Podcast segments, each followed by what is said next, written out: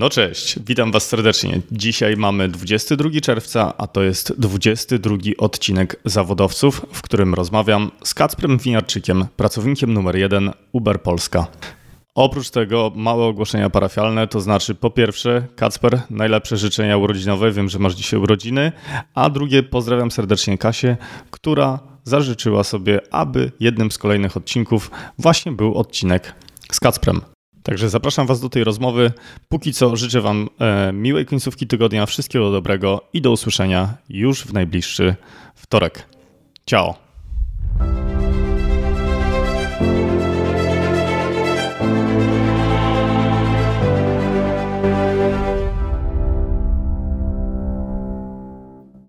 Witam Was serdecznie w kolejnym odcinku Zawodowców. Dzisiaj moim i Waszym gościem będzie Kasper Winiarczyk, który e, zarządza biznesem e, OFO w Polsce i w Europie Środkowo-Wschodniej. Witaj Kasper, dziękuję za przyjęcie zaproszenia do Zawodowców. Dzięki za zaproszenie. Kasper, zanim zaczniemy całą rozmowę o startupach, o komunikacji, o Uberze, o OFO, powiedz mi, kim chciałeś zostać, jak szedłeś na studia? Wiesz co, jak szedłem na studia, e, ja mam takie dwie, dwie ścieżki, bo pochodzę, pochodzę z Mazur i moje życie było od, od, od wczesnych lat związane bardzo mocno z żeglarstwem, więc yy, trenowałem bardzo dużo do tego stopnia, że w sezonie tak naprawdę każde moje, e, każde moje, każdy mój weekend był właśnie na wodzie, albo na regatach, albo na treningach i wiem, że teraz po mnie ciężko to stwierdzić, ale swego czasu dostałem zaproszenie do Szkoły Mistrzostwa Sportowego. To są takie szkoły, które przygotowują przygotowują e, przyszłych reprezentantów Polski, przyszłych olimpijczyków. I właśnie, żeby, żeby wziąć, żeby być e, uczniem w takiej, w takiej e, klasie sportowej. Natomiast policzyłem sobie, ilu jest w Polsce żeglarzy, którzy jest się w stanie utrzymać z żeglarstwa regatowego. I takich żeglarzy jest może może z trzech, może z pięciu i uznałem, że szanse na to, że uda mi się rzeczywiście osiągnąć ten wysoki poziom, e, no jakieś są, bo, bo ten sukces wymaga z jednej strony ciężkiej pracy, ale z drugiej strony też takiego wrodzonego talentu i farta. Ja uznałem, że jestem w stanie włożyć tą ciężką pracę, ale nie jestem tak w 100% pewny swojego talentu i tego, że będę miał szczęście akurat, więc może e, ustawianie całego swojego życia pod to, to, to nie jest ten wybór, z którym ja bym się czuł komfortowo. E, więc zacząłem kombinować, co, co można było robić innego i natknąłem się na artykuł w gazecie, który opisywał jednego z zarządzających takimi, taką większą polską spółką, która produkuje, z tego co pamiętam, piankę poliuretanową. To są takie pianki do uszczelnień okien i drzwi i tak dalej. I ta firma oczywiście robi jakieś kosmiczne pieniądze. E, I facet kupił sobie jacht w takiej klasie przygotowawczej do, do Pucharu Ameryki, to są takie naprawdę jachty, jachty wypasione. Zatrudnił sobie jednego z tych trzech czy pięciu polskich żeglarzy jako taktyka, czy kogoś takiego, kto stoi za tobą i ci mówi, co masz robić. E, I ściga się z najlepszymi żeglarzami na świecie w weekendy. Mhm. Ja znam, że to jest super pomysł, to ja zrobię coś takiego. I, i jak można coś takiego zrobić? No pewnie, pewnie idąc na, na, na szkołę główną handlową, więc, więc pod tym kątem zacząłem się przygotowywać i, i, to jakoś się zbiegło chyba z tym, że oglądałem e, Wall Street. Nie wiem, czy kojarzysz z. Mm, Leonardo DiCaprio. E, nie, nie, to nie ten Wall Street, ten Wall Street z Douglasem. A, okay. Tam, gdzie była taka postać Gordona Gecko, mhm. takiego, takiego, takiego maklera, który, który, który handlował firmami. I ja uznałem, że to, to na pewno jest sposób na to, żeby, żeby dorobić się takich pieniędzy, żeby być w stanie sfinansować tą swoją pasję żeglarską, więc ja na pewno pójdę w giełdę. No i potem poszedłem na na, poszedłem na SGH. Chociaż gdzieś mi tam się to żeglarstwo dalej majaczyło, bo mm, aplikowałem też na, na Uniwersytet Morski w Gdyni i naprawdę byłem niedaleko tego, żeby jednak pójść na nawigację. Natomiast no, uznałem, że może jednak życie na morzu to takie przez całe życie to, to nie jest coś, co chciałbym robić. No i problem był taki, że poszedłem na pierwsze zajęcia z finansów i prawie usnąłem. Więc uznałem, że może ta giełda to nie jest jakiś najlepszy pomysł i, i trzeba znowu coś zrobić, jakiegoś pivota, że tak powiem. I, i, I, zacząłem się zajmować w końcu, w, końcu, w końcu czymś innym. Ale tak, idąc na studia byłem mocno przekonany, że pójdę w giełdę. Jakimś zbiegiem okoliczności znalazłeś się we Francji, z tego co wiem. Tak, będąc jeszcze właśnie na, będąc na studiach jeszcze y, zacząłem pracować w reklamie i, i reklama jest super fajna. Tak? To jeszcze pracowałem w takich czasach, kiedy kiedy dopiero do Polski tak naprawdę wchodził Facebook, dopiero pojawiały się, się sieci społecznościowe tak naprawdę. Nasza klasa jeszcze wtedy była, była takim miejscem, gdzie byli wszyscy, grono i, mhm. i wszystkie te tematy. I, no i to były takie czasy w agencjach, że jak byłeś tym młodym tym, tym, młodym z internetem, to pewnie wiesz, co to jest Facebook, to będziesz się zajmować Facebookiem. No więc zajmowałem się tam Facebookiem, y, szeroko pojętymi social mediami dla, dla różnych marek i to było strasznie fajne. Tam w tej branży pracują w ogóle super, super ciekawi ludzie i, y, i bardzo mile te czasy wspominam, ale doszedłem do tego, że tam jest jednak dość nisko sufit, plus jednak uwarunkowania kulturowe, które są są wymagane do tego, żeby dobrze się odnajdywać na rynku reklamowym, sprawiają, że jest mała y, taka mobilność międzynarodowa. Więc uznałem, że fajnie by się było jednak troszkę przebranżować branżowić.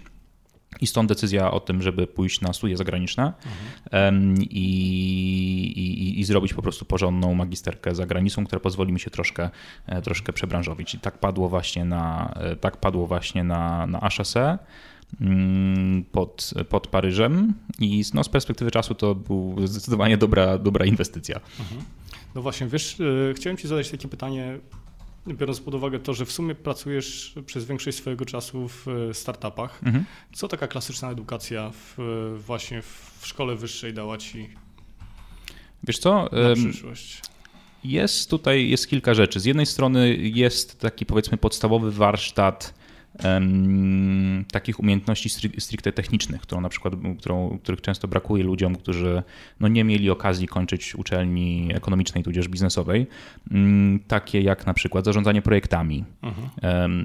jak na przykład poukładać odpowiednio czas e, zespołu, e, jak te e, etapy konkretnego projektu powinny następować po sobie, jak to zaprojektować w taki sposób, żeby maksymalnie wykorzystać czy zasoby, czy czas, czy, mhm. czy, czy, czy, czy pieniądze to jest cały taki zestaw narzędzi finansowych, na przykład jak czytać mhm. rachunek zysków i strat, jak prowadzić księgowość. No to są takie no, proste rzeczy, mhm. wydawałoby się, które oczywiście można się nauczyć. Biznesowe kurikulum. Tak, tak no, da się tego nauczyć oczywiście w trakcie, natomiast y, y, ponieważ też y, obserwuję, czy też doradzam młodym startupowcom, którzy są często na przykład po politechnikach, mhm. no oni o takich rzeczach nie mają pojęcia. I, i no, to są rzeczy, które się przerabia, nie wiem, w ciągu pierwszych dwóch lat studiów z zarządzania zarządzania i, i, wydaje, i jakby się wydaje wszystkim absolwentom tych szkół, że to jest taka wiedza powszechna, a, a, a tak nie jest. Więc mhm. dużo tego typu wiedzy, e, natomiast szczególnie e, tutaj przez studia zagraniczne też miałem możliwość pracować na, na case'ach, tak? czyli ta mhm. metoda zapoczątkowana przez, przez, przez Amerykanów e, pracy po prostu na konkretnych przykładach biznesowych, mhm. w grupach też to, to była duża, duża nauka dla mnie, która daje też w połączeniu jakby z życiem za granicą taką otwartość, y, mm, y, umiejętność w miarę jasnego wyrażenia własnych idei, czy to na mowie, czy to, czy to w mowie, czy w piśmie, to, były, to są takie rzeczy, które potem procentują. No dobrze, no i e, masz 20 parę lat, e, jesteś we Francji i tak jak e, mówiłeś w jednym z wywiadów, dzwoni telefon i zaczynasz pracę w Uberze. Jak to w ogóle było? E, wiesz co, no to miałem, jakby wiesz, w życiu ważne jest to, żeby jednak trochę tego farta mieć, tak? No bo ciężka praca oczywiście, mhm. natomiast, natomiast trzeba, trzeba mieć farta i to był mój fart, że trafiłem na dobry moment najzwyczajniej w świecie, bo tutaj też widać takie fale, jakby gdzie idą y, zdolni ludzie, w, w konkretnych latach, tak? I, mhm. I, powiedzmy sobie, że w latach 2000 e, to ci najzdolniejsi szli na przykład do finansów, e, potem była taka fala biznesów prowadzonych przez Rocket Internet i, i, i właściwie wszyscy szli do właściwie wszyscy szli do Rocketa. I co to jest ten Rocket, Rocket Internet? Internet? To jest taki to jest taki niemiecki holding obecnie chyba, oni mają taką strukturę.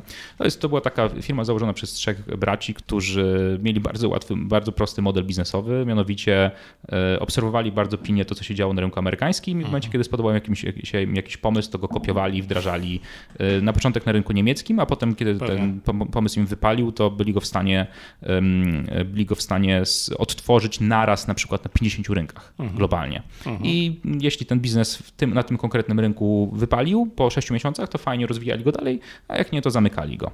No i do tego było potrzeba bardzo dużo menadżerów, takich, którzy nie bali się pojechać do, y, nie wiem, Bangladeszu, rozwijać y, biznes w bukowaniu hoteli na przykład. Mhm. I, i, i kupa ludzi naprawdę łebskich się przez to przewaliła i, i nauczyła się też niesamowicie dużo, więc też ciekawie jest patrzeć po tym, gdzie ci ludzie lądowali naprawdę. Zbiera, ta firma zbierała wtedy taką śmietankę, no ja też po, mhm. po HSE między innymi z nimi, z nimi rozmawiałem o tym, o tym, Banglade, o, o tym Bangladeszu właśnie i, i, różnych biznesach w Afryce. Natomiast mhm. w tym momencie zadzwonił, zadzwonił Uber i Uber wtedy był właściwie nieznany.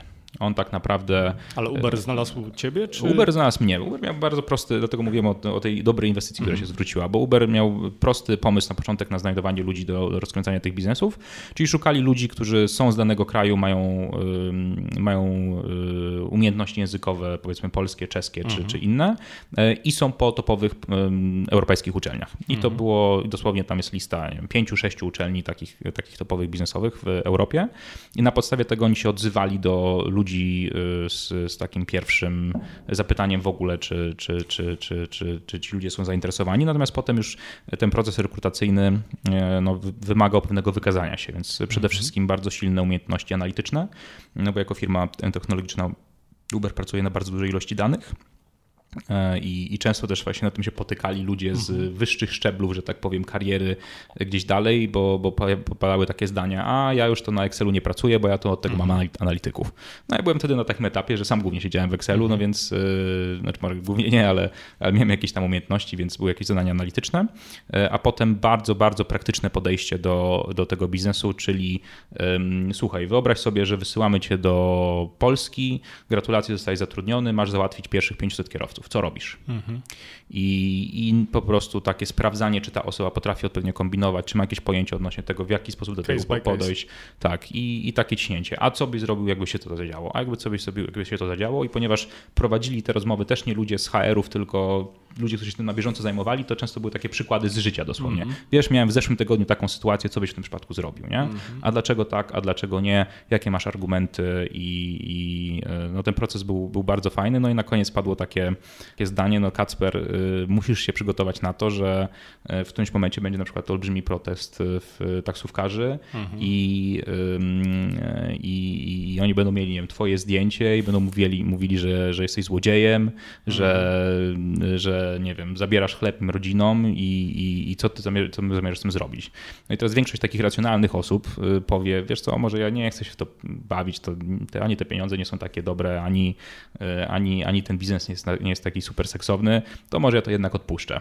Y, no a ja nie wiem, coś musiało się, coś musiało nie wyjść w procesie ewolucyjnym mojej rodziny, bo, bo ja raczej tutaj podchodzę do takich wyzwań z takim nastawieniem okej, okay, dajesz. No, zobaczymy, zobaczymy, co się, zobaczymy, co się stanie. I, i, I to gdzieś tam było dla mnie interesujące. No i rzeczywiście firma dała mi tą szansę. I ten początek był, e, muszę przyznać, dość, e, dość abstrakcyjny. I, no właśnie, bo głęboka woda. E, tak, tak, tak. To wyglądało w ten sposób, że jakby cały proces rekrutacyjny trwał dwa tygodnie chyba od, od, pierwszego kontaktu do, do, do, do spisanej umowy tak naprawdę. Nie widziałem na żywo żadnej osób z Ubera, to wszystko się działo przez, przez, przez Skype'a. Mhm. Fajnie, spakowałem się w Paryżu, mhm. za, zapakowałem się do, do swojego 19-letniego e, Mercedesa i razem z kolegami właśnie ze studiów, no dobra wycieczka, bo był kolega, który teraz pracuje w private bankingu w Szwajcarii, jeden kolega, który jest bankierem inwestycyjnym w Londynie i ja tym 19-letnim Mercedesem e, przejazd przez, przejazd przez Europę, łącznie ze spaniem w bagażniku tego, tego, tego Mercedesa na jakichś kampingach w Szwajcarii. Tam ci Szwajcarzy na nas patrzyli w ogóle jak na jak na jakąś taką dziwną wycieczkę, która na pewno zaraz im te, te karawany pokradnie. Legitymowali was? No aż tak to nie, ale no naprawdę te parę takich spojrzeń żeśmy załapali mhm. E, podejrzanych powiedzmy. E, no nic, no, ale żeśmy dojechali, to nie wiem, tam dojechałem powiedzmy w czwartek, w poniedziałek miałem zaczynać i dzwonię do swojego ówczesnego szefa i mówię, cześć Alex, nie wiem czy pamiętasz, nazywam się Kasper, zatrudniłeś mnie ostatnio. E, jakby co mam robić? Gdzie chcesz, żebym był? On tak, aha, aha, no tak, rzeczywiście. Wiesz co, kup sobie y, bilet na samolot do, do Brukseli, bo ja, bo ja tu teraz jestem. Pakuj się na przynajmniej tydzień i potem, zobaczy, potem się zobaczy. No okej, okay, nietypowo, ale why not? Poleciałem do tej Brukseli, okazało się, że w Brukseli ten biznes już miał jakąś tam skalę i siedziałem w, z tym zespołem około dwóch tygodni, obserwując to, jak, jak, jak ten biznes prowadzą, robiąc już dużo takiej pracy przygotowawczej pod tytułem, nie wiem, tłumaczenia aplikacji, naprawdę takie mhm. bardzo proste rzeczy e, podstawowe. Po czym padł taki, taki tekst. Wiesz co, Kacper, no normalnie nie robimy takich rzeczy, bo wysyłamy jakiegoś bardziej doświadczonego pracownika tam na miejsce do kraju, żeby on e, zatrudnił zespół, e, wystartował produkt i potem dopiero po jakimś czasie on z tego kraju wyjeżdża. No ale nie mamy takich, e, ci ludzie się launcherzy nazywają, ale nie mamy żadnego launchera wolnego, bo jeden utknął w Turcji, a drugi gdzieś tam. No ale wydajesz się w miarę, w miarę łebski, to masz tutaj kartę kredytową i jedź. Mhm. Ale jak to? No, to nie jest takie trudne, jakoś sobie poradzisz. No i, no. i, pamiętam dokładnie ten moment, kiedy, kiedy, e, kiedy wylądowałem w Warszawie na, na, na, lotnisku i wychodzę z tego samolotu i się myślę, cholera jasna, w co ja się władowałem. Mhm. Przecież ja zupełnie nie mam pojęcia, jak za to zabrać. No. Ale no tutaj e, to tutaj stara zasada mojej mamy, że jak pojawia ci się jakiś taki duży problem przed tobą, to żeby go podzielić na takie mniejsze kawałki i potem te mhm. mniejsze kawałki jest dużo łatwiej rozwiązać. No i zacząłem kminić tam, no dobra, no to jak potrzebuję kierowców, no to to pewnie muszę na początek się jakoś zareklamować, że ich szukam. No dobra, to jak to zrobić? No to jakieś reklamy na y, Gumtree, OLX-ie, y, w jakichś innych miejscach. No dobra, to to nie może być aż takie trudne. Dobra, no to zrobiłem to. Mhm. Okej, okay, fajnie. Jakieś pierwsze osoby zaczynają dzwonić, zaczynają się mawiać na spotkania. Fajnie, no to teraz muszę pewnie opracować to szkolenie w jakiś sposób, co na co na nim powinienem mówić y, na podstawie tego, co się dowiedziałem w Brukseli, plus jakby lokalna specyfika. Czyli w sumie nie miałeś żadnego takiego blueprintu, który mógł być... No on był, ten, no powiedzmy, że był, był, był jak, jakiś tam ten blueprint był, natomiast był mocno ameryka, ameryka, amerykocentryczny, mhm. bo Uber dość wcześnie poszedł na ekspansję zagraniczną, bo chyba w drugim roku działalności wystartował Paryż. Mhm. Natomiast Paryż był przez ładnych kilka lat jedynym rynkiem zagranicznym y, Ubera tak naprawdę. To jeszcze były czasy, jak Uber był e, taki elitarny? Czy... Tak, tak. To jeszcze były czasy Blacka i Polska była w ogóle y, y, Blacka, czyli tego produktu takiego limuzynowego powiedzmy. I Polska była w ogóle pierwszym krajem na, w Europie na pewno, czy na świecie nie wiem, ale w Europie na pewno, gdzie ruszaliśmy z usługą ekonomiczną. E, więc też trzeba było to trochę inaczej przygotować, no bo ten e, jakby start tej usługi, tej takiej elitarnej, no był też dostosowany do tego odbiorcy, więc to były, to często to była jakaś impreza w jakimś super hotelu albo najlepszym klubie, gdzie byli ściągani ludzie z świadka, że tak powiem, jakiegoś takiego e, czy celebryckiego, czy, czy innego. W Polsce też zostało nam trochę po tym, po tym sposobie startowania tej elitarnej usługi, bo pierwszym, tym tak zwanym Riderem Zero, czyli tą pierwszą osobą, która się przejechała Uberem w Polsce była była, była, Joanna Krupa, którą, którą udało się nam na to, na to namówić. Natomiast tak naprawdę cała reszta no, trzeba było to trochę wymyślać, wymyślać od zera. I zresztą po tym, jak e, ten start tej usługi ekonomicznej w Polsce się okazał sukcesem, e, to też jako ta osoba, która już miała tak strasznie dużo doświadczenia, tak strasznie dużo wiedzy, to byłem przez firmę wysyłany do innych rynków w regionie. Czy Byłeś do, launcherem takim. Tak? Może launcherem to nie, nie, nie, takim, nie takim pełną gębą, ale jeśli chodzi o to takie rzeczy powiedzmy operacyjne, no to byłem znany specjalistą od tego tematu i, i firma mnie wysłała do, do Pragi, do Budapesztu, do, do, do Sofii, do Bułgarii, gdzie tam razem z tymi lokalnymi zespołami e, ten, ten, te produkty żeśmy, żeśmy odpalali. E, a już wtedy zaczął, e, bo to już było kilka miesięcy po moim starcie, już wtedy zaczął pracę Marek Usiak, czyli osoba numer dwa w, w polskim Uberze, która, która była w stanie, że tak powiem, pilnować fortu tutaj w Polsce, a, mhm. a, a ja mogłem się gdzieś tam udzielać trochę za granicą. Kasper, mam takie pytanie. Kiedyś powiedziałeś, że Polska zaskakuje w kontekście adaptacji technologii. Mógłbyś to rozwinąć? Mhm. Myślę, że tutaj y, jest kilka czynników. Natomiast z jednej strony to jest to, co trochę teraz widzimy oczywiście na większą skalę w, w Indiach, w Chinach czy, czy w Afryce, czyli ten tak zwany leapfrog technologiczny, tak? czyli przez to, że nie mieliśmy dobrze, jakby takich tradycyjnych, dobrze wykształconych y, struktur y, firm czy, czy usług, to przeskoczyliśmy po prostu o jeden poziom. Leapfrog, czyli mówisz taki bardzo duży skok do przodu. Taki tak? skok omijający kilka, kilka, kilka schodków, to można sobie, mm. można sobie porównać z takim skakiwaniem po schodach, że nie idziemy tak. mozolnie jeden po drugim, tylko przeskakujemy co dwa, trzy, co dwa, trzy, co dwa, trzy schodki. I, I Polacy takie przez coś takiego przeszli i, i dowodem tego jest na przykład niesamowicie innowacyjny ekosystem finansowy w Polsce, mhm. gdzie rozpowszechnienie płatności zbliżeniowych, gdzie rozpowszechnienie płatności już teraz NFC na przykład telefonami, fakt, że y, polski rynek chyba był szóstym w kolejności na świecie do wprowadzenia Android Pay, to, to wszystko są, y, to wszystko, jakby tutaj wszędzie jesteśmy w czubie naprawdę. Trochę jest niższa penetracja na przykład kart kredytowych niż w niektórych krajach zachodnich, chociaż na przykład dużo, dużo więcej my robimy transakcji płatniczych niż kartami niż Niemcy na przykład albo mm -hmm. Szwedzi, tak, które mm -hmm. kraj by się wydawało dość mocno rozwinięte. Sam zresztą byłem wiem, za, za, dwa lata temu w Amsterdamie, chciałem w restauracji zap za, zapłacić kartą kredytową i jakież było moje zdziwienie, że nie tylko, znaczy dało się akurat zapłacić, natomiast pan mi przyniósł takie żelazko, nie wiem czy kojarzysz, gdzie się wkłada tak, kartę tak, tak, płatniczą tak, tak. wypukłą i on takie robi i się odbija na kalce. No w ogóle średniowiecze, no kto takie rzeczy robi mhm. jeszcze? No a się okazało, że tam to jest normalne, zresztą jak studiowałem we, we Francji, to standardem było to, że jest duża kolejka w supermarkecie, facet podchodzi z całym, z całym koszykiem dóbr i na koniec kasjerce wypisuje czek wyciąga książeczkę czekową, wypisuje czek w XXI wieku. No to jest w ogóle coś było dla mnie nie, nie, niesamowitego, a jakby w Polsce żeśmy ten etap tych książek czekowych w ogóle ominęli, mhm. tak jakby byśmy y, uznali, że to, to jest trochę może Też byłem sensu. właśnie zaskoczony, jak e, czytałem artykuł o e, rozwoju bankowości elektronicznej, o tym, że w sumie chyba mBank e, w mhm. zeszłym roku dostał jedną z głównych światowych nagród w dziedzinie systemów tych mhm. takich elektronicznych dla, tak, dla Ja, absolutnie, one są naprawdę, one są naprawdę świetne mhm. i, i za tym też poszło za tym też poszły, za tym też poszło jakby dużo innych usług, tak? Mhm. To w jaki sposób się spopularyzowało w Polsce Allegro e, przed eBayem jeszcze, tak? E, w jaki sposób teraz, jakie olbrzymie ilości użytkowników w Polsce ma AliExpress na przykład, które w Europie Zachodniej w ogóle nie funkcjonuje tak naprawdę w mhm. świadomości, a, a u nas a u nas to już są miliony użytkowników, którzy kupili coś na AliExpressie, mhm. więc jakby jest poszukiwanie ciągle to nowych rozwiązań, jest relatywna otwartość na tego typu nowe rozwiązania, więc może to też wynika, myślę, że to trochę wynika z takiego polskiego malkontentstwa, mhm. E, którzy ludzie strasznie krytykują, natomiast ja czasami, ja czasami uważam, że jest, że jest pewnego rodzaju taką przewagą Polaków, bo my narzekamy i coś z tym robimy. Nie podobały nam się polskie drogi, teraz już są całkiem mhm. niezłe. Nie podobają nam się, nie wiem, korzystanie usług z tego, y, z, z, tego banku czy, czy z tej firmy, to zamieniamy na jakąś inną, albo, albo szukamy zupełnie innych rozwiązań poza tym jakby istniejącym oficjalnie mhm. systemem. No a poza tym jesteśmy dużym krajem.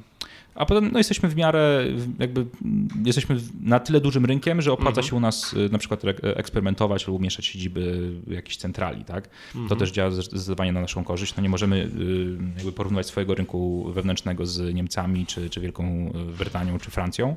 E, natomiast no, w, naszym, w naszej części świata mamy taką zdecydowanie wiodącą pozycję. No właśnie, zaczęliśmy rozmawiać tutaj o rozwoju technologicznym, o tej adaptacji technologii mhm. przez, przez ludzi. Powiedz mi, bo w sumie zajmujesz się komunikacją w, w wielu formach. Mhm. Jak wygląda przyszłość komunikacji? To znaczy, jak będzie rozwijały się, jak będą rozwijały się środki transportu i sposób tego, jak będziemy się przemieszczać z punktu A do punktu B? Wiesz co, myślę, że to jest... Yy, Kil, jest tutaj wiele czynników, które będzie na to wpływać. E, natomiast wydaje mi się, że przede wszystkim e, znaczy tak, faktem jest takim niezaprzeczalnym, że większość miast, szczególnie duże miasta będą coraz większe. Tak, mhm. urbanizacja postępuje i w większości miejsc na świecie tak naprawdę, łącznie z Polską, y, takie miasta regionalne raczej będą się wyludniać, natomiast te miasta centralne będą puchłe. Mhm. I, I, już mamy do czynienia z takimi olbrzymimi aglomeracjami e, jak Londyn, jak Paryż, jak Mexico City, mhm. jak, jak Hongkong, jak Pekin i, i dziesiątki takich w, w Chinach. I te miasta będą tylko większe tak mhm. naprawdę. Natomiast one nie były projektowane aż pod tak niesamowite ilości ludzi i pod takie, takie wolumeny transportowe też. Ciekawa, ciekawa rzecz. Czytałem e, również kiedyś jeden artykuł a propos sieci komunikacyjnej Wrocławia w ogóle. Mhm. E, okazuje się, że e, sieć komunikacyjna, ta, którą obecnie mhm. posiadamy we Wrocławiu, na dobrą sprawę odzwierciedla mapę połączeń z 1920 roku. Mhm nie uwzględniając tego, że e, po no pierwsze mamy samochody w dużej skali, a Wrocław urósł, rozrósł się i tak mhm. dalej. No, nie mówiąc oczywiście o tam jakichś wiesz, obwodnicach i tak dalej, ale to rzeczywiście chyba duży problem. To w większości miast tak, to tak funkcjonuje, bo mhm. oprócz Amerykanów, którzy podjęli no takie dość odważne decyzje i, i potrafili wyburzać całe kwartały miast, mhm. żeby puścić sobie autostradę środkiem tego miasta, mhm. co okazało się nie do końca trafioną decyzją z, z wielu powodów. Ale to też e, chyba a propos Stanów, to jest też kwestia tego, że e, to jest dużo e, młodsze państwo, to znaczy u nich ten układ przedsiębiorcowy też, znaczy tak, to tam przez to jest prostszy, no ale na przykład tu można się odwołać do, odwołać do Paryża, gdzie y, Baron Hausmann też został, mhm. dostał takie, e, takie polecenie, żeby y, przeprojektować Paryż mhm. i to był, nie, nie trzymajcie mnie tutaj za słowo, ale, ale z tego co pamiętam XVIII wiek, e, gdzie y, przeorał po prostu szerokimi alejami Paryż, mhm. dosłownie mhm. burząc całe kwartały kamienic. Mhm. No bo takie było zapotrzebowanie wtedy i polityczne, i społeczne na to. Natomiast Ale wracając właśnie do... Tak, no, wracając do, tego, do tej przyszłości transportu, wydaje mi się, że miasta zaczynają już dochodzić do tego, że, że transport e, taki indywidualny, oparty szczególnie na samochodach, jest, jest sufit. Gdzieś po prostu to miasto się najzwyczajniej w świecie zapcha i nie da się tych samochodów więcej do, do miast pchać. E, szczególnie, że one są bardzo mało wykorzystywane. I samochód e, średnio w trakcie całego swojego życia E, takiego użyteczności powiedzmy swojej jest wykorzystywany około 4% czasu. I takim dobrem, mhm. który jest, e, do którego to można porównać, to jest szczoteczka do zębów. Dobra, no bo no, używa się i rano i wieczorem, e, mam nadzieję. A, a, tylko, że szczoteczka do zębów kosztuje dolara, 2 tak. dolary, 3 dolary, a samochód kosztuje zwykle równowartość połowy twojej rocznej pensji. Mhm. I nagle inwestujesz w coś tak drogiego i używasz tego przez 2, 3, 4% mhm. tego czasu. Tak to jest bez sensu, totalnie bez sensu. W żadną inną inwestycję nie doby się tak strasznie wpuścić, żeby przepłacać tak bardzo za, za coś takiego. Więc, więc raz, że to, więc raz, że te samochody są drogie jak cholera, dwa, że są, że jest ich najzwyczajniej w świecie za dużo. Mhm. Też olbrzymi procent e, powierzchni miasta jest zajmowany przez, e, przez samochody i przez parkingi. Parkingi podziemne są niesamowicie drogie, no mhm. też są lepsze sposoby na inwestycje miejskie moim zdaniem no, w długim terminie niż inwestowanie w parkingi podziemne. Więc no, najzwyczajniej w świecie na tych samochodach nie możemy tego opierać. No jeśli nie samochody, to co? To ja mocno wierzę w rozwój mobilności takiej małej, e, czyli nie samochody cztero czy pięcioosobowe, w których w 70% przypadków jeździ jedna osoba, tylko raczej jedno, dwuosobowe pojazdy, no bo to jest to tak naprawdę, czego potrzebujemy na, na, na co dzień, szczególnie w miastach. Tutaj nie, nie, nie mówię o, o mniejszych miejscowościach na przykład. Sam pochodzę z Mazur, tam posiadanie samochodu najzwyczajniej w świecie ma sens. Nie ma też takich problemów transportowych, więc, więc, więc e, tam to się spina. Natomiast w miastach nie ma to absolutnie żadnego sensu. Mhm. Więc taki jedno, dwuosobowy taki pojazd, e, zapewne elektryczny, w miastach też y, no nie mamy tego problemu z, y, z elektrycznością, która pojawia się przy długich dystansach, tak? no bo w mieście robimy nie wiem, 30 km dziennie, no to są tego typu dystanse, tak? więc, więc to powinien być pojazd, który jest mały, który jest elektryczny, e, który e, jest autonomiczny, to też powinno być prostsze, bo miasto jednak jest systemem zamkniętym, więc prościej w nim e, tą taką komunikację autonomiczną ustawić i nie ma też aż takiej prędkości. I teraz pytanie, y, jak do tego najłatwiej dojść? Do samochodu, do takiego pojazdu, który jest y, mały, autonomiczny i, i, i elektryczny. I z jednej strony takim naturalnym by się wydawało kandydatem do stworzenia takiego pojazdu jest, y, są koncerny motoryzacyjne. Mhm. Natomiast tam pojawia się taki problem, że cykl produkcji samochodu jest niesamowicie długi. Czyli od momentu, kiedy masz samochód na desce kreślarskiej, mhm. do momentu, kiedy będziesz mógł go w stanie wręczyć pierwszemu swojemu e, klientowi, to mija 5 do 7 lat, w zależności od tego. Chciałem nie, powiedzieć 3. Nie, nie, no to w 3 lata to jak robisz facelift. No mhm. może przesadzam, to 2, no ale to, to, to trwa. Natomiast w przypadku zupełnie nowego modelu to, to, to zajmuje to mniej więcej tyle czasu. No to wystarczy prześledzić, jaka jest mniej więcej e, rozpiętość czasowa pomiędzy momentem, kiedy pojawia się koncept car na, jakimś, na jakichś targach, a, a momentem, kiedy mhm. coś podobnego jest wdrażane do produkcji i to, i to tyle trwa najzwyczajniej w świecie. Mhm. Więc strasznie długie okresy innowacji. E, druga rzecz to to wysoka cena jednostkowa, mhm. no bo ten samochód kosztuje 30-40 tysięcy dolarów, mhm. co też sprawia, że wprowadzanie tam na tym jakichś eksperymentów jest dość ciężkie. I trzecia rzecz to jest i trzecia rzecz to jest e, to są regulacje. No bo już samochody ze względu na prędkości, z którymi się poruszają i jakby na zagrożenie, które stwarzają na, na drodze, no przechodzą przez e, olbrzym, jakby bardzo długie procesy określania ich bezpieczeństwa, tak? Więc mhm. tutaj załatwianie tej, e, tych, tych, tych testów i odpowiednie przebadanie tego typu, tego typu produktów najzwyczajniej w świecie musi trwać, co sprawia, że wprowadzanie innowacji właśnie w, w samochodach jest, jest, jest niesamowicie długotrwałe. Mhm. Natomiast łatwiej jest paradoksalnie, myślę, mhm. dotrzeć do tego od strony produktu prostszego, którym jest na przykład rower. I mhm. tutaj do, bo rower od momentu takiego deski kreślarskiej do rynku to jest z 6 miesięcy to max. Mhm. I cena jednostkowa to jest 200, 300, 400, 500, rower, 500 dolarów, w zależności od tego, jaki to jest rower, z czego on jest wykonany, czy ma silnik elektryczny, czy nie ma. I przez to, że jest mniejszy, wolniej się porusza, to też nie przechodzi przez taką e, olbrzymią, jakby ten proces certyfikacji nie, nie trwa aż tak długo, bo on nie musi być też aż tak, aż tak zaawansowany, jak w przypadku samochodu, który może się rozpędzić na przykład do 250 na godzinę. Ale myślisz, że rowery będą wyglądały tak, jak wyglądają teraz, czy przejdą też jakąś y, zmianę w, w kontekście formy? Nie wiem, czy pamiętasz, ale mhm. BMW kiedyś wyprodukowało coś, co było połączeniem y, skutera i samochodu. Mhm.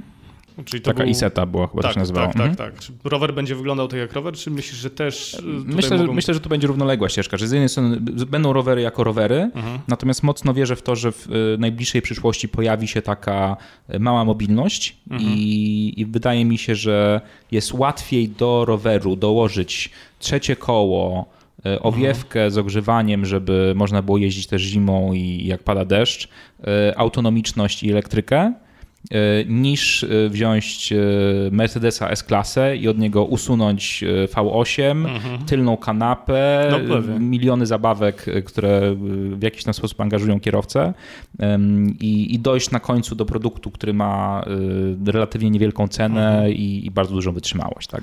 No właśnie, w sumie teraz dochodzimy do pytania, które chciałem Ci zadać, to znaczy, możemy o tym powiedzieć, przeszedłeś z Ubera do OFO. Tak. Skąd wybór y, roweru zamiast, zamiast samochodu? Właśnie między innymi, między innymi dlatego. Ja, ten rynek, jakby transport jest w ogóle takim jak się nie wie za dużo o transporcie, to wydaje się, że transport jest nudny. Mhm. Natomiast to transport jako branża jest obecnie w trakcie jednej z największych zmian od momentu w ogóle wprowadzenia samochodu, mm. od momentu wprowadzenia silników spalinowych. Elektryka.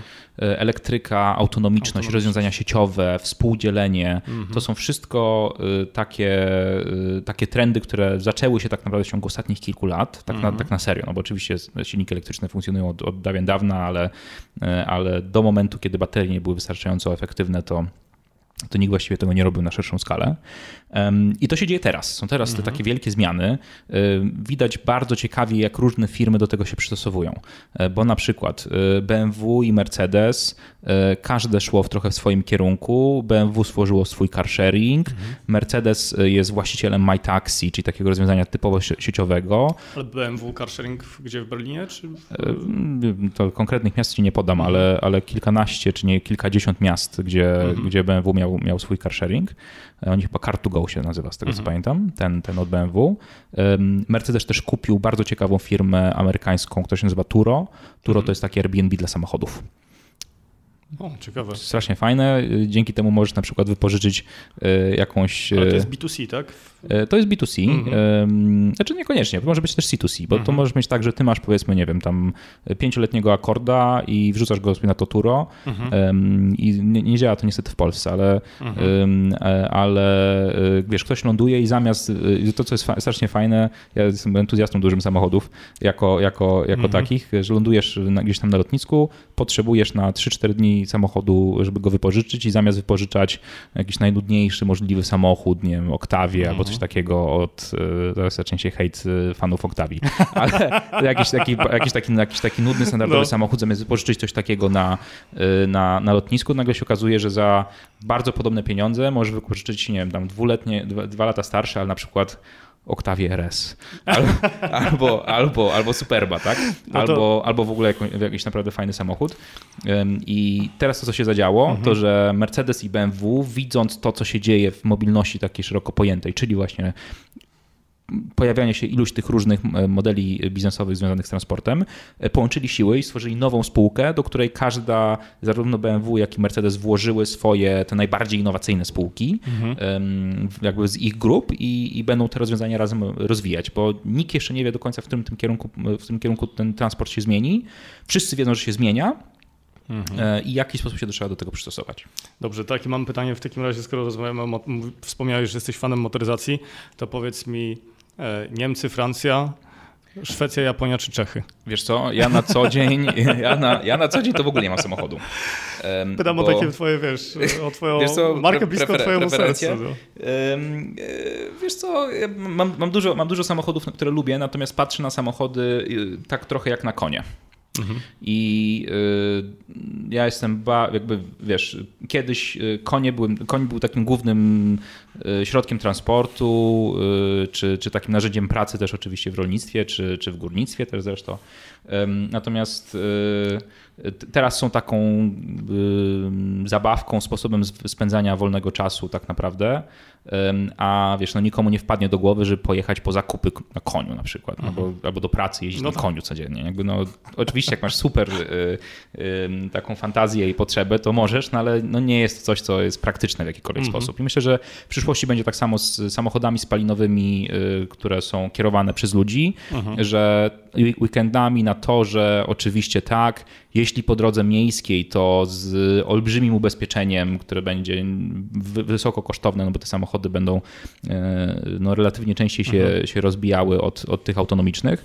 Myślę, że to będzie przyszłość samochodów i mhm. ja trochę, już teraz trochę na nie patrzę, bo mieszkając tak naprawdę na co dzień w Warszawie, i, i, i, prowadząc e, powiedzmy interesy w większych miastach w Polsce czy w, czy, czy, czy, czy w regionie, to połączenie samolotu na długie dystanse, pociągu szybkiego na te dystanse powiedzmy mhm. sobie średnie, plus po mieście tak naprawdę połączenie komunikacji miejskiej, Ubera, roweru miejskiego i, i chodzenia mhm. E, zwykle mi w zupełności wystarcza. No jedyne tutaj się, tutaj oczywiście kłania się infrastruktura, tak? Mhm. czyli niestety no jest ten problem z tymi regionami, które do tego nie są przystosowane. Ja sam pochodzę z tej Polski, z tej Polski B, z Mazur, tak jak wspominałem i y, mimo tego, że odległość z Warszawy do Giżycka to jest tam 240 km, to, to jedzie się 4 godziny. Y, no, tak? pociąg jedzie 5,40, y, najkrótszy, nie?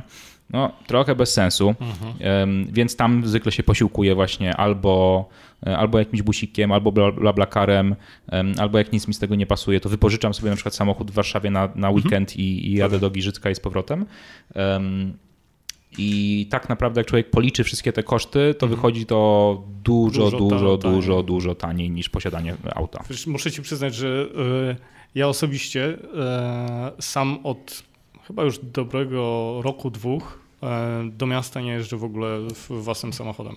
Tak. Mam szczęście, że mieszkam blisko, mhm. blisko centrum i naprawdę to, co wprowadziliście w, w Uberze wcześniej, mhm. to znaczy to, że wyciągasz telefon i musisz nawet zadzwonić po taksówkę, tylko naciskasz stajesz jeden na guzik, ulicy, tak. E, stajesz na ulicy i samochód na ciebie czeka, to jest coś, coś tak. niesamowitego. Oczywiście nie jest to rozwiązanie y, jakby na wszystkie sytuacje, nie jest to rozwiązanie dla wszystkich, bo oczywiście ja widzę na przykład olbrzymie, olbrzymią potrzebę posiadania samochodu, jak ma się dziecko na przykład. Nie, no, naturalnie. Natomiast patrząc znowu z punktu widzenia skali, mhm. to większość większość, że tak powiem, podróży po mhm. mieście szczególnie, mhm. to są podróże z pracy do pracy, czy w mhm. ramach systemu miejskiego samotnie. I to się da w stanie zastąpić, i powinniśmy to zastępować komunikacją miejską, e, takimi dzielonymi rozwiązaniami, czyli, czyli car sharing, czyli, czyli, czyli Ubery i podobne, mhm. czy, czy, czy, czy, czy, rowery, bo to najzwyczajniej w świecie sprawia, że te miasta stają się e, cichsze, stają się mniej zanieczyszczone i jakość życia w tych miastach wzrasta kolosalnie, a, a w tych miastach będziemy wszyscy żyli. Kacper, w takim razie czym jest OFO? OFO jest globalnym liderem w e, dostarczaniu systemów e, rowerów miejskich e, bez stacji dokujących. Mhm. Ten, te systemy, które są znane w Polsce, głównie polegają na tym, że mamy, mamy w ziemi wbity stojak z tam elektrozamkiem, podchodzimy do roweru, wypożyczamy go, musimy podjechać do jakiejś stacji dokującej gdzieś tam blisko tego miejsca, gdzie jedziemy, odstawiamy ten rower i potem z tamtej stacji jeszcze tam, nie wiem, 500 metrów, 600 metrów, 100 mhm. metrów musimy dojść do swojego miejsca docelowego.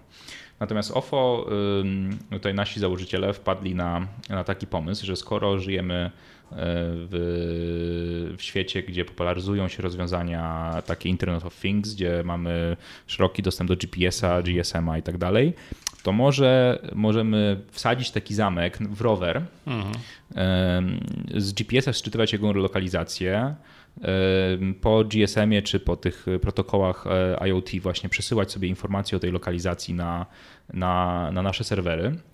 I wtedy taki, taki rower wtedy można wziąć skądkolwiek, zostawić gdziekolwiek. Mhm. Co, co w, jakby rzeczywiście rewolucyjnie wpłynęło na, na, na sposób jakby korzystania z tych, z tych rowerów, mhm. E, bo jest to rzeczywiście niesamowicie wygodne w momencie, kiedy system osiąga odpowiednią gęstość rowerów na, na, w odpowiednim terenie. Bo wyobraź sobie, że wychodzisz sobie ze swojego mieszkania czy domu mhm. i y, nie musisz się zastanawiać, gdzie są te rowery, tylko te rowery są zwykle w zasięgu twojego wzroku. Mhm. Podchodzisz do takiego roweru, przykładasz telefon czy skanujesz kod, rower mhm. się otwiera, wsiadasz na ten rower, yy, jedziesz 100 metrów, 500 metrów, 2 km, 5 km, zostawiasz ten rower yy, pod tym miejscem docelowym, do którego, do, do którego jechałeś i zamykasz i już. I nie musisz szukać, nie musisz chodzić tam dodatkowo. I obecnie szacuje się, że takich yy, podróży do 5 km w mhm. ramach miast jest około to jest 30... Rowerowych? Czy... Nie, w ogóle. w ogóle. W ogóle. Jak spojrzymy na wolumen podróży po miastach, to takie do 5 km i to jest taki dystans, który spokojnie możemy przejechać na rowerze, mhm. bo to jest kwestia tam 15 minut. Okay. Takich podróży jest powyżej 30%. Więc wyobraźmy sobie nagle, tak, takich podróży jest powyżej 30%, nagle wyobraźmy sobie, że jesteśmy w stanie o tyle ograniczyć ruch samochodowy na przykład. A jak to się e, przenosi na cyfry w Polsce? Takich podróży, ile jest wykonywanych, orientujesz się? Wiesz co, dla Warszawy, prawdę mówiąc, takich danych chyba nie ma mhm. E, konkretnych, ile tych podróży jest. Natomiast no, idzie to w. No, idzie to w. No to na gigantyczne cyfry. Tak, idzie to, idzie to na pewno w setki tysięcy y, dziennie, nawet pewnie w Warszawie. Mhm. Wiesz, dając ci y, takie trochę po, pojęcie o skali, y, jaką, jaką, jaką ten, to rozwiązanie przyjęło. W Chinach obecnie OFO ma około 10 milionów rowerów. Drugie tyle, czy tam trochę mniej ma nasz taki konkurent chiński i te dwie firmy kontrolują 95% rynku chińskiego, mhm. tak? czyli tam powiedzmy niecałe 20 milionów rowerów e, obecnie takich jest w Chinach. Mhm. Tylko my obecnie wykonujemy około 35 milionów przejazdów dziennie. Dziennie. Nie ma obecnie i to jest, powiem Ci tak, to jest rząd wielkości więcej mhm. niż to, co robią niż to, co robią e, ride sharingi, czyli e, Uber, Didi i tak mhm. dalej.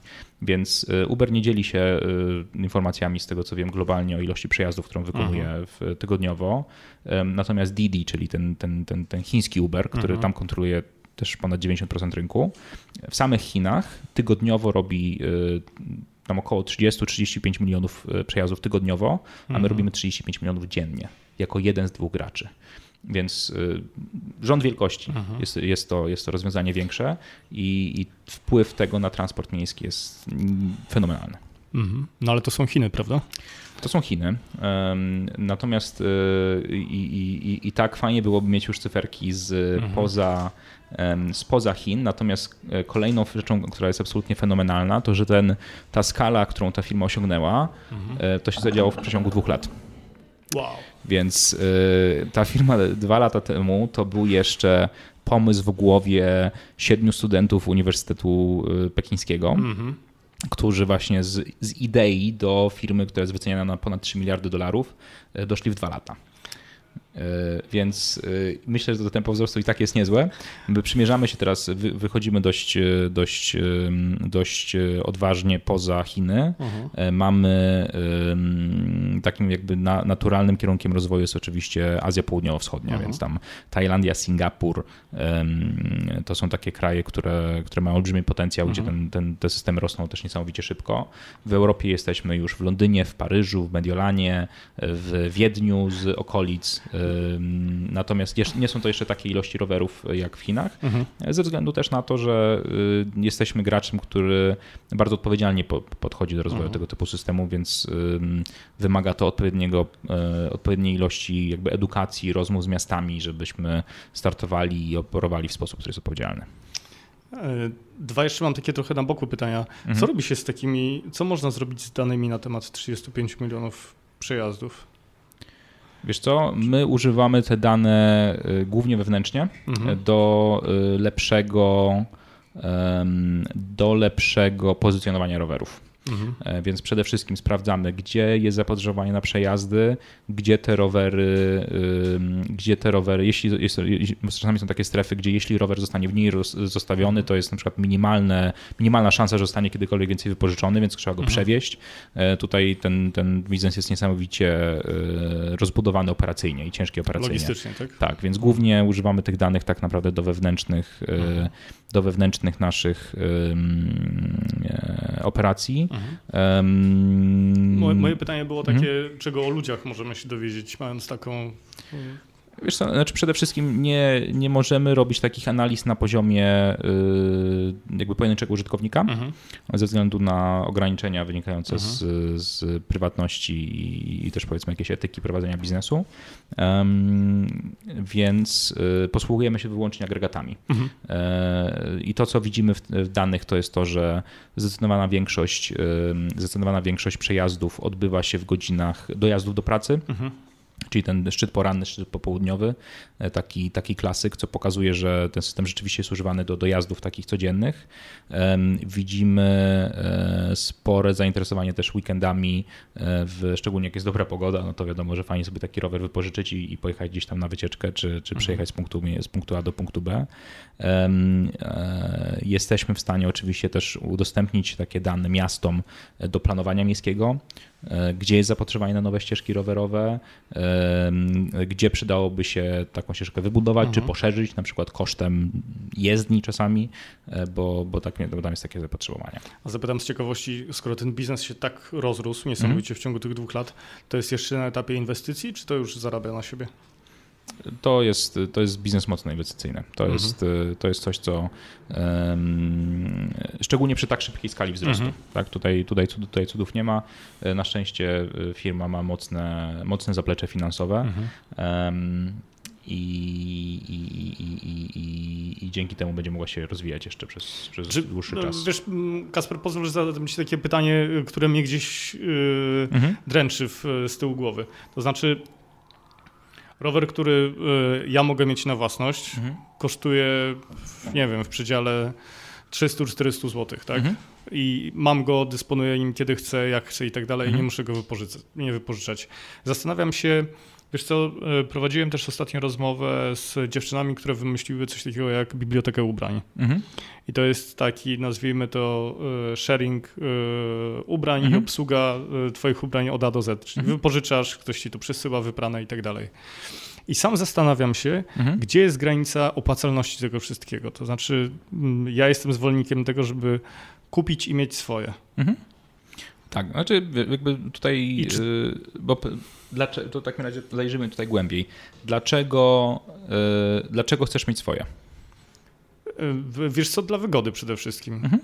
To okay. znaczy, y, dla mnie powiedzmy koszt, jeżeli rower ma kosztować 500, 700, 800, to lubię mieć swój po prostu mm -hmm. i mhm. korzystać z niego na, mm -hmm. na tych warunkach, jakie, mm -hmm. jakie są dla mnie No i super. I więc, więc świetnie to ująłeś, że jest to wygoda mhm. korzystania. I teraz tak, bo ja też często przed, przed OFO dojeżdżałem na, na swoim rowerze do, mhm. do pracy i teraz tak, rano jadę do pracy, jest słonecznie, super fajnie, no ale mhm. wieczorem zaczął padać deszcz, to mi się trochę nie chce już tym rowerem wracać do, do domu, no to go zostawiam przed pracą. Mhm. następnego dnia znowu rano jest słońce, ja tego roweru nie mam. Mhm. Mm, nie fajnie. E, a w ogóle to się zaczął weekend, więc muszę w weekend jechać do pracy, żeby odebrać tam ten rower. Dramat. Mhm. Wychodzisz któregoś dnia z bloku, kurwa, no ukradli ci rower, nie? Albo wiesz, albo się okazuje, że musisz coś z nim zrobić, bo nie działa ci coś tam, tak? Y, musisz wymienić dętkę, napompować koło.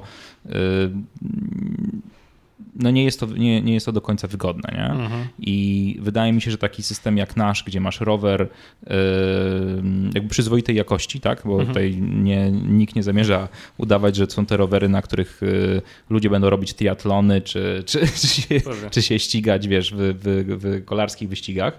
Natomiast do takiej codziennej jazdy są naprawdę, są naprawdę no do tego są stworzone właśnie idealnie. Mhm. I one są najzwyczajniej w świecie. W momencie, kiedy wiesz, czy, czy to mówimy o takich dojazdach, nie? a nawet takie krótkie poruszanie się po mhm. mieście. Idziesz z jednego spotkania na drugie, mhm. E, nie masz swojego roweru ze sobą, no bo używasz go głównie do dojazdów do pracy, bardziej, a masz e, przejechać 400 metrów, kurwa, to jest rower i on kosztuje jakieś śmieszne pieniądze za, za wypożyczenie, to, to pojadę sobie tym rowerem. Czyli w, w sumie mogę mieć swój fajny e, rower w domu, a mogę traktować OFO jako mhm. element systemu komunikacji. tak, prostu. i ja bym to raczej, wiesz, raczej w ten sposób by na to patrzył, gdzie wiesz, gdzie E, tak, oczywiście możesz mieć, nie wiem, swój własny generator prądu w piwnicy i robić sobie mm. swój własny prąd. No, możesz, tak? I fajnie masz, masz wtedy swój, masz swoje paliwo i dolewasz to paliwo do tego generatora i tak Jasne. dalej. Ale fajnie jednak jest mieć prąd z sieci, bo jakby to trochę wygodniej, nie?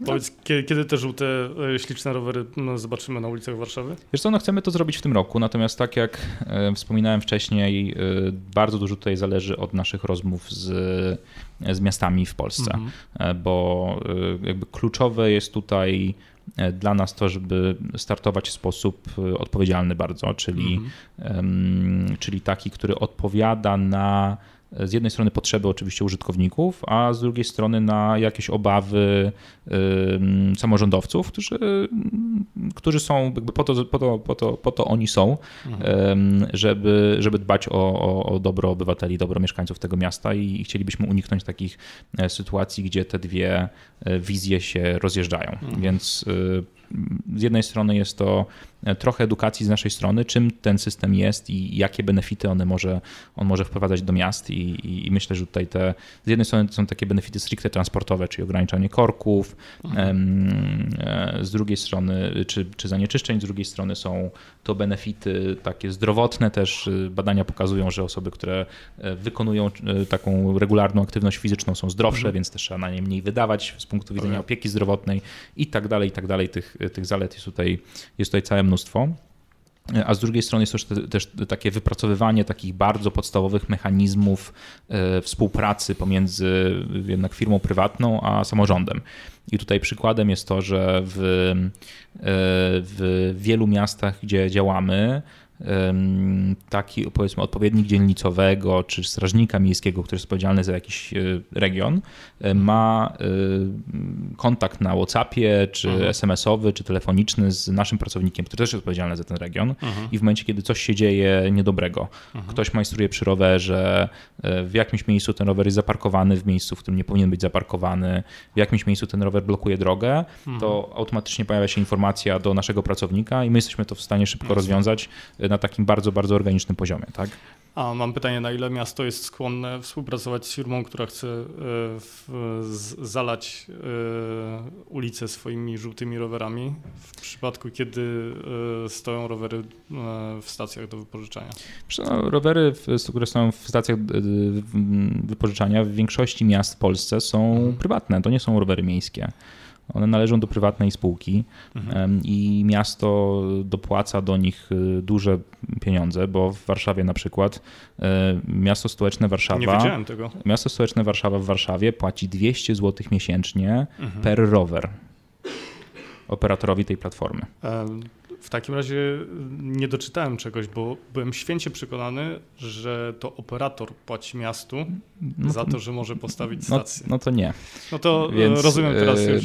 Więc, e, więc są to, więc oczywiście, więc jakby ja tutaj myślę, że tak, miasta wykonały świetną robotę, mhm. rozwijając tego typu, tego typu systemy, bo mhm Też pamiętam ten, ten, ten, ten okres, kiedy się pojawiło w Warszawie Veturillo, to już było no, ładnych kilka lat temu, gdzie pojawiły się takie głosy, a stawiacie rowery, mhm. a nie ma gdzie na nich jeździć, bo nie ma ścieżek rowerowych. I, I tutaj jest, myślę, wielka mądrość przede wszystkim Łukasza Puchalskiego, który, który tak naprawdę odpowiadał za rozwój tego systemu z, ze, strony, ze strony miasta, który no, podjął taką decyzję, że dopóki nie będziemy mieli rowerów, to nie będziemy mieli ścieżek rowerowych. Mhm. I rzeczywiście taką transformację rowerową, jaką przeszła Warszawa w przeciągu mhm. ostatniej dekady, to jest no, fenomen u nas w regionie. Mhm. E, I, i, tutaj wykona, została wykonana e, olbrzymia praca, natomiast, natomiast wydaje mi się, że przyszłość należy do systemów, które z jednej strony funkcjonują na zasadach komercyjnych, mhm. E, czyli takie, do których miasto nie musi dopłacać, i, i, gdyż one mogą się utrzymywać po prostu z, z opłat pobieranych od użytkowników, mhm. funkcjonując w odpowiedniej skali, a z drugiej strony dla rozwiązań, które są no, technologicznie bardziej dopasowane do potrzeb użytkowników, bo mhm. użytkownicy właśnie jednak stawiają maksymalnie na tą wygodę i, i maksymalnie na łatwość, łatwość korzystania, a to uzyskujemy dzięki systemowi bezbazowemu. Mhm. No, w takim razie zmieniłeś całkowicie mój pogląd na, e, na wasz pomysł. Nie, nie wiedziałem o tym, że, że miasto dopłaca rzeczywiście do, do tych rowerów, które, które można wypożyczyć. Prowadziłem ostatnio takie e, rozmowy z ludźmi, e, którzy prowadzili również startupy i nie uniknęli różnych porażek. Mam do Ciebie pytanie, czy są jakieś porażki, które szczególnie pamiętasz i czego ewentualnie się z nich nauczyłeś? Takich porażek było, nie ukrywam, całkiem sporo. I tutaj e, chwała mojemu poprzedniemu e, pracodawcy, który, mhm. E, który dawał nam naprawdę dość, dość, dość wolną rękę jakby właśnie w podejmowaniu decyzji, które potem się okazały mniej lub bardziej, mniej lub bardziej trafne. E, zwykle udawało się to obrócić, w, mm, obrócić właśnie w jakąś naukę, którą, mhm. którą dość szybko byliśmy w stanie potem, e, potem wykorzystać. Natomiast e, drugie, natomiast druga rzecz to jest takie moje ogólne podejście do porażek, mhm. czyli nie do końca się przejmuję rzeczami, na które nie mam wpływu. Mhm. Czyli y, mam takie, staram się mieć, wiesz, zawsze, dlatego też często staram się pracować, wiesz, na, na 100% i dawać z siebie wszystko mhm. i robić to najlepiej, jak umiem, zgodnie z informacjami, które posiadam żeby potem móc w stanie powiedzieć, jakby spojrzeć wstecz i powiedzieć tak, zgodnie z tymi informacjami, które miałem w danym mhm. momencie mm, i zgodnie z tą wiedzą, którą miałem w danym momencie, a zrobiłem wszystko, żeby mieć jak najwięcej danych i jak najwięcej tej wiedzy, mhm. podjąłem taką, a nie inną decyzję, i, i ta decyzja się okazała nietrafiona, mhm. to ja nic z tym nie mogę zrobić. Raz, że nic nie mogę zrobić już z tym teraz, a dwa, że prawdopodobnie gdybym był w tej samej sytuacji, to tą decyzję podjąłbym drugi raz tak samo. Więc nie do końca traktuję te rzeczy jako porażki, tylko jakby no na rzeczy, które się zdarzyły, ja już z nimi nic nie mogę zrobić i nie ma co mhm. płakać nad rozlanym mlekiem. E, trzeba się tylko z tego, jakby tego trzeba się na tym uczyć i, i iść do przodu i, i, robić zawsze wszystko na, e, zrobić wszystko po prostu porządnie. Jak już na coś zabieramy, to robimy to porządnie, żeby nie mieć tego wyrzutu sumienia, a bo mogłem zrobić coś inaczej i mhm. może by wtedy mi wyszło.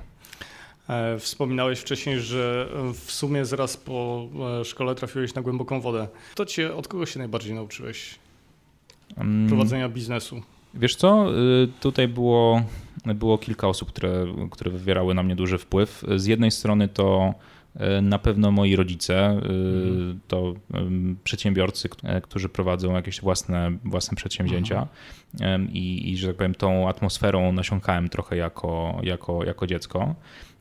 Natomiast y, potem tak naprawdę duże, duży, duży, że tak powiem, Ślad na mnie zostawiła Ania Kostro, która była moją pierwszą szefową mhm. w, w Ogilvim. Ania, ja tam pracowałem w dziale strategii i Ania zawsze mi mówiła, że przynajmniej połowa czasu pracy stratega to jest mhm. czytanie, jak najwięcej czytanie na dany temat, którym się, którym się mhm. zajmujesz i masz się jak najwięcej na ten temat dowiedzieć. I to mi zostało do tej pory, więc jak tylko zacząłem pracować na przykład dla chińskiej firmy, to, mhm. to kupiłem sobie sztapel y, książek o, o, o Chinach i o współpracy z, z Chińczykami mhm. i, i, i, i łykam je teraz jedna po drugiej, żeby się e, jak najlepiej do tego nowego wyzwania przy, przygotować. Natomiast już w Uberze tak naprawdę myślę, że najwięcej uczyłem się od ludźmi, z, których, z którymi bezpośrednio pracowałem. Mhm. Więc zawsze jakby rekruto, rekrutacja była dla mnie niesamowicie istotna, no bo pracowałem też tak strasznie dużo, że z tymi osobami, z którymi pracowałem, spędzałem więcej czasu niż z mhm. kimkolwiek innym, więc te osoby musiały być spoko. I, i tutaj z jednej strony takie no, osoby na pewno niesamowicie inteligentne, Mhm. Z drugiej strony takie dopasowanie właśnie powiedzmy sobie kulturowe, mhm. mówiąc korporacyjnie, żebyśmy się nie wkurzali nawzajem, a, a w drugim, a, a, też y, dostatecznie inne ode mnie, żeby nie mhm. powielały jakby moich wad, powiedzmy jakichś przyzwyczajeń, a miały jakieś świeże spojrzenie na, ten, na, na, na świat. I z takimi ludźmi lubię pracować. No właśnie, e, wspomniałeś też z jednym z, w jednym z wywiadów, że zatrudniasz mądrzejszych od siebie. Mhm. Tak, zdecydowanie tak. To nie jest jakoś wysoka postawiona mm. poprzeczka. E, natomiast, e, natomiast staram się. Natomiast, e, natomiast staram się. E, staram się rzeczywiście zatrudniać ludzi, którzy są, którzy są ode mnie lepsi w, mhm w, w jakiejś tam określonej działce, mhm. E, a jak się udaje, to, to, to po całości, bo najzwyczajniej w świecie najwięcej nauczyć i, i to jest wtedy czas taki najbardziej wartościowy, mhm. najbardziej wartościowy sposób spędzony. Mhm. Wspominałeś też, że dużo czytasz. Masz jakieś takie swoje ulubione książki, do których wracasz? Tak, jest. Y, znaczy, Bądź gener... książki takie, które w, wiesz, w sposób y, wyjątkowo mocny wpłynęły na to, jak prowadzisz biznes albo jak podchodzisz mhm. do ludzi. Czyli to generalnie może tak, wracać to niekoniecznie, bo, y, bo zawsze mam też takie podejście, że może być coś ciekawszego, co jest nowe, mhm. niż, niż coś, do czego wracam, i, i taką samą mam podejście do podróży i, i, do, i do książek, i do paru innych rzeczy. Natomiast w, w z książek.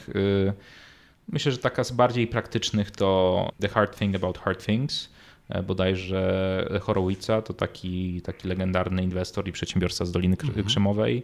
Zero to One e, Petera Tilla, e, z takich, które ostatnio gdzieś mi trafiły na. Zrobiłem sobie ostatnio taką, taki, taki przegląd po retailu. Mhm. I świetna jest autobiografia sama Waltona, Made in America, twórcy, twórcy, sieci twórcy, twórcy sieci Walmart.